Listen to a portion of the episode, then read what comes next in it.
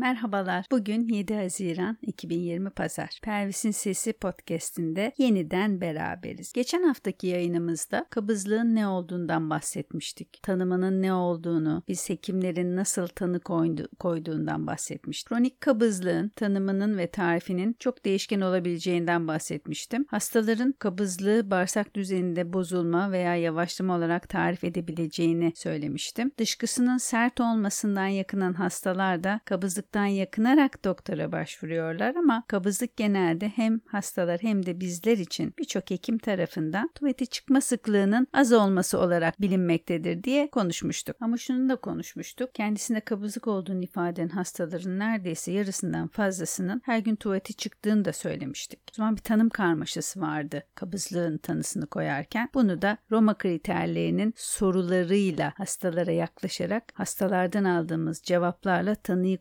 koyduğumuzu bahsetmiştik. Evet Roma kriterlerine göre belki haftada 3'ten daha az tuvalete çıkmak kabızlığı akla getirse de biz daha farklı sorular da soruyorduk. Neler soruyoruz hastaya? Fazla ıkınıyor mu tuvaletini çıkartabilmesi için? Çıkarttığı dışkı sert mi? Küçük küçük parça parça mı? Yoksa bir bütün şeklinde çıkartabiliyor mu? Ya da tuvaletini yaptıktan sonra kişi tuvaletini bitmiş gibi hissediyor mu? Yoksa bitmemiş gibi hissedip tekrar tekrar tuvalete gitme isteği duyuyor mu? Ya da bir takım parmak ya da el manevralarına ihtiyacı oluyor mu tuvaletini çıkartmak için? Bunları soruyorduk hastalara ve bu sorulardan bazılarına yanıt vermesi ve şikayetlerinin en az 3 aydır sürmesi ve tanı konulmadan da en az 6 ay öncesinde şikayetlerinin başlamış olması bize kabızlık tanısını koydurabilmekte. Hastaların laksatif dediğimiz dışkı yumuşatıcı ilaçları kullanıp kullanmadığını da sorguluyoruz. Çoğu kabız hasta bu ilaçlar olmadan tuvalete çıkamadıklarını söylerler. Bu hastalara ayrıca yine karın ağrılarının olup olmadığını da sorarız. Hastanın eşlik eden karın ağrıları oluyorsa ve bu karın ağrısı tuvalete çıktıktan sonra rahatlıyorsa o zaman hassas bağırsak sendromu dediğimiz yine bağırsaklarda kabızlıkla seyredebilen başka bir hastalık da aklımıza getiririz. Ve hassas bağırsak sendromuna bağlı bir kabızlık düşünüyorsak bazen tedavi şekillerimiz de değişebilir. O zaman kabızlıkla başvuran bir hastaya neler sorarız? Biraz üstünden geçelim bu soruları. İlk olarak haftada ya da ne kadar sıklıkla tuvalete çıktığını sorarız karşımızdaki hastamıza. Haftada 3'ten az ise sıklık kabızlığın akla getirileceğini biliyoruz. Ama tekrar tekrar söylüyorum. Kabızlık yakınmaları olan kişilerin neredeyse yarısından fazlasının her gün tuvalete gittiğini unutmayalım. İkinci soru olarak muhakkak sorarız ne kadar zamandır kabızlık şikayetinin olduğunu ve bu bağırsak alışkanlığı kabızlık lehine yeni mi değişti diye sorarız. 3 aydan fazla süredir var olan kabızlık durumunda ve kişinin eşlik eden bir alarm şikayeti yoksa nedir bu alarm şikayetleri? Kilo kaybı, iştahsızlık, bulantı, kusma, gece uyandıran tarzda ve şiddeti artacak şekilde olan karın ağrıları, herhangi yapılmış bir testte kansızlığın tespit edilmesi ya da dışkıda tuvalette kan görülmesi kakanın üstünde ya da tuvaletten sonra temizlik yaparken bunlar alarm şikayetleri diyoruz. Eğer bu alarm şikayetleri yoksa aklımıza daha iyi huylu sebepler gelir. Kabızlık netlikle hatırlanan bir dönemden sonra başladıysa da özellikle o dönemi de bulmaya çalışırız. Nedir bir stres sorgularız. Geçirmiş bir ameliyat, doğum hikayesi, yapılan bir diyet ya da yaşam tarzında bir değişiklik. Örneğin ev değiştirmek, belki evlenmek,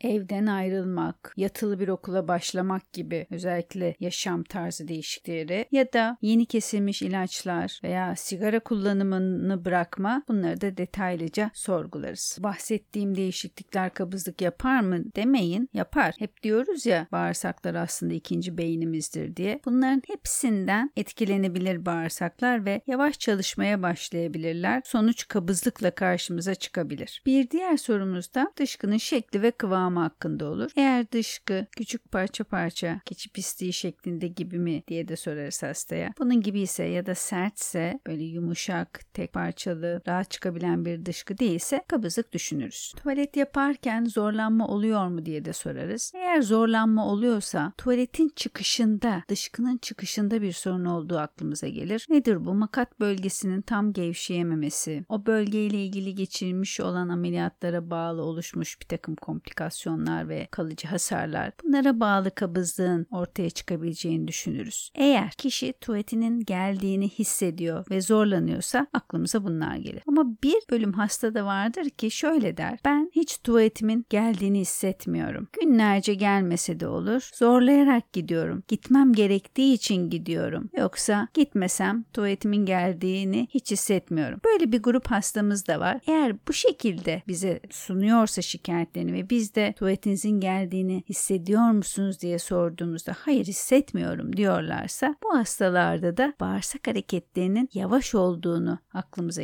getiririz. Bunu aklımıza getirirsek tedaviyi de buna göre düzenleriz. Ne gibi şeyler yaparız derseniz bağırsağın hareket ettirici, bağırsağın hareketini sağlayıcı ilaçlar ya da ona destek olacak tarzda beslenme şekilleri öneririz. Bir diğer sorumuz da tuvalet yaptıktan sonra bitmişlik hissinin olup olmadığıdır. Hasta şöyle ifade eder. Tuvalete çıkıyorum, kalkıyorum ama sanki bir daha varmış gibi hissettiğim için ne bileyim bir 10 dakika içinde, 5 dakika içinde tekrar tuvalete geri gitmek zorunda kalıyorum. Bu şekilde bize anlatırlar. Bu soruyu bu yüzden sorarız. Bazen biz bu soruyu sormazsak bu cevabı da hiçbir zaman almayız. Bu detayı çünkü hastalar bize anlatmakta çekinirler. Neden soruyoruz bu soruyu? Eğer bitmemişlik hissi varsa tuvaletin makat bölgesinden çıkışında o bölgeye ait bir takım patolojiler aklımıza geldiği için soruyoruz. Nedir bunlar? Bağırsağın son kısmında oluşan fıtıklar ki buna bağırsak fıtığı, makat fıtığı,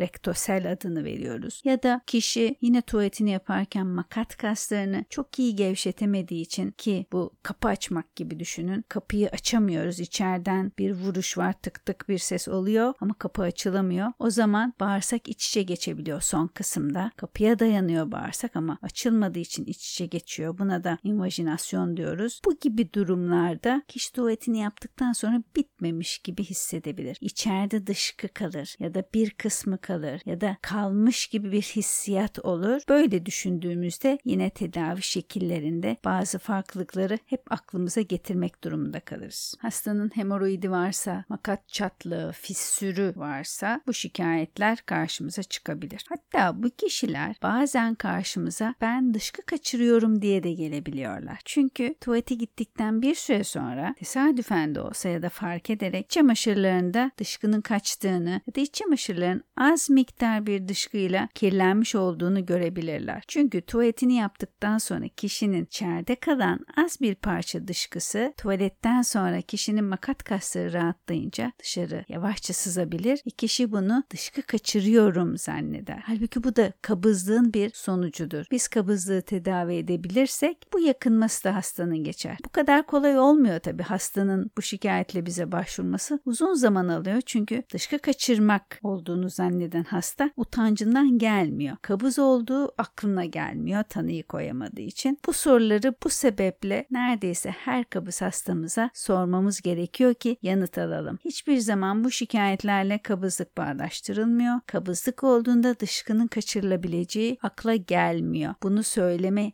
e, ihtiyacı duymuyor hasta doktoruna. Bir de özellikle evde ya da bakım evinde yaşayan yaşlılarda da kabızlık zemininde gelişmiş dışkı kaçırma şikayetleri olabilir. Bu kişilerde dışkı o kadar sertleşir ki makat kısmından dışarı çıkamaz. Yaşlı kişi o sert dışkıyı dışarı çıkartamaz. Ama yemeğe de devam ettiğini düşünün. Yukarıdaki sıvı dışkı bu makatın ucundaki sert dışkının yanından kaçarak, taşarak dışarı sızabilir ve yine hem bakım evinde görevliler hem kişinin kendisi ya da yanında ona bakanlar, yakınları bu durumu dışkı kaçırmak olarak algılarlar ve hastaların da bazen doktora getiremedikleri için dışkı kaçırmaya yönelik kulaktan kulağa artık ne duydularsa üstesinden gelmeye çalışırlar. Halbuki burada da o yaşlının, o bakıma ihtiyacı olan kişinin kabızlık sorunu çözülse, makat bölgesindeki o sert dışkının oluşması engellense kişinin dışkı kaçırma şikayeti de geçer. O zaman bu kadar soru sormamızın sebebi gerçekten kabızlığın var olup olmadığını detaylıca araştırmak. Doktora gittiğinizde bu tip sorular karşınıza geldiğinde bu dediklerim aklınızda kalır umarım. Ya da kabızlıkla uğraşan sağlık profesyonelleri, fizyoterapistler onlar da kabız hastaya yaklaşımlarında bu tür soruları detaylıca tedavilerine başlamadan önce hastalarına, danışanlarına sorarlarsa tedavilerinden daha iyi sonuç alırlar. Tuvaletle ilgili detaylı soruları sorduktan sonra kabızlığa sebep olabilecek ek hastalıkları sorgulamayı da unutmayalım. Nelerdir bunlar? Bunlar? Şekeri var mı kişinin? Yüksek tansiyonu, nörolojik hastalıkları, omurga ile ilgili problemler, bel fıtığı, omurga ile ilgili geçirilen çeşitli ameliyatlar ya da yaralanmalar, kazalar bunları da sormak lazım. Bu hastalıklar altında makat kasları, bağırsak kasları, onların çalışmasını düzenleyen sinirlerle ilgili sıkıntılar olduğu için kişi yine kabızlıkla karşımıza gelebilir. Ek hastalıkları sorduğumuz gibi kişinin kullandığı ilaçları da sormayı unutmayalım. Bir önceki yayınımızda bahsetmiştik. Belli ilaçlarda bağırsağın hızını değiştirerek ya da gıdadaki suyun emilimini değiştirerek kabızlığa sebep olabiliyor yan etki olarak. Bu ilaçları da bazen kesmekle ya da başka bir ilaçla değiştirmekle kabızlık yakınmasını çözebiliriz. Ek bir başka tanı yöntemine, ileri tedavi yöntemine gerek duymadan. Bu sorgularla hastadan alacağımız bilgilerle kabızlığın tanısını koyabiliyoruz aslında. Peki ne zaman tetkik istiyoruz ya da illa tetkik istiyor muyuz kabızlık yakınmasıyla gelen hasta için? Bakıyoruz. Hasta gençse, şikayetleri çok yeni başlamadıysa, şikayetleri başlatacak bir sebep bulduysak öncelikle o sebebe yönelik, o sebebi tedaviye yönelik ya da ortadan kaldırmaya yönelik yaklaşımlarda bulunuruz ve bazen ileri test bile istemeyiz. Diyelim ki istedik. Hasta ilk defa geldi. Tedavi vermeyi planlıyoruz. ilaç vermeyi planlıyoruz. Yaşlı da olsa, genç de olsa çok basit kan tetkikleri isteyebiliyoruz. Şekerine bakıyoruz, kan sayımına bakıyoruz. Bir kansızlığı var mı? Böbrek fonksiyonlarına, kalsiyum seviyesine, guatr hormonlarına muhakkak istiyoruz. Görmek istiyoruz ki tedaviden cevap alamazsak elimizde hem bir veri olsun hem de acaba atladığımız başka bir sebep olmasın diye. Ama yapılan bilimsel çalışmalarda daha önce bahsettiğim bu alarm şikayetleri olmayan hastalarda bu basit kan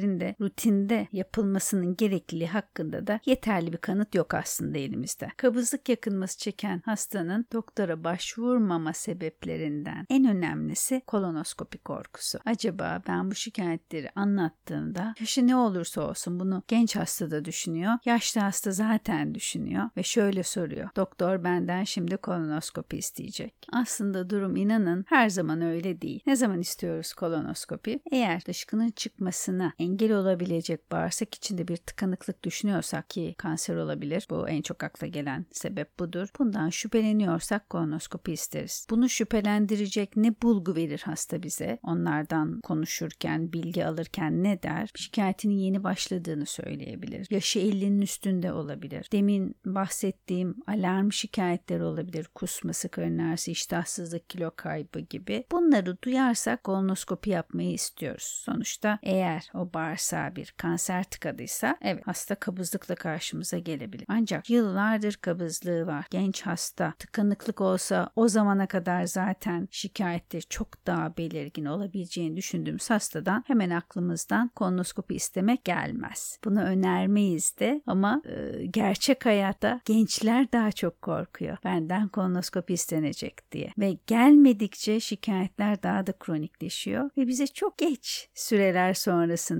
uzun süreler sonrasında polikliniğe başvuruyorlar. Sırf bu kolonoskopi korkusu sebebiyle. O zaman şöyle söyleyeyim. Kişinin alarm şikayeti varsa, yaşı 50'yi geçtiyse ya da ailesinde erken yaşta bir bağırsak kanseri olan varsa, annesinde, babasında, kardeşlerinde, birinci derece akrabalarında ya da kabızlıkla başvurmuş ve 50 yaşını geçmiş bir hastada alarm şikayeti olsun olmasın çok fark etmez. Daha önce hiç kolonoskopi yaptırmadıysa kabızlık şikayetini araştırmak ama ondan daha önemlisi altta yatan bir bağırsak kanseri var mı? Bunun taramasını yapmak için kolonoskopiyi muhakkak isteriz. Hasta tabii ki yaptırır yaptırmaz onun kararıdır. Son karar hastanındır ama biz muhakkak öneririz. Kolonoskopi kabızlıkla başvurmuş her hastaya önerdiğimiz bir tanı metodu değildir. Korkmanızı istemiyoruz. Bahsettiğim bir takım kan testleri ve kolonoskopi testi dışında çok nadir istediğimiz başka tanı testlerimiz de var. Çok nadir duyulur bunlar. Nadir bilinir, nadir istenen testlerdir. Nedir bunlar? Bağırsak hızını tayin edildiği kolon transit zamanı testi, makat bölgesindeki kasların gücünün, hareketlerinin, bağırsakla olan uyumunun, o bölgedeki reflekslerin araştırıldığı anorektal manometre testi vardır. Bu da istenebilir. Makat bölgesinde bir takım anatomik sorunlar varsa bunları görebilmek amaçlı tuvalet yapıyormuş gibi bir bir ortam hazırlandığında radyoloji ünitelerinde genellikle yapılır. Oranın tuvalet yaparken filmi çekilir. Buna da defokografi deniyor. MR eşliğinde yapılabiliyor ya da normal akciğer filmi çekilir gibi çekilebiliyor. Özel bir tuvaletmiş gibi olan bir koltuğa oturarak bize makat bölgesinin anatomik problemlerini gösteren testtir bu da. Bunu da nadiren hastalarımızdan isteyebiliyoruz. Yani özetlersek bağırsağın hızını tayin etmek için bir transit zamanı, makat bölgesindeki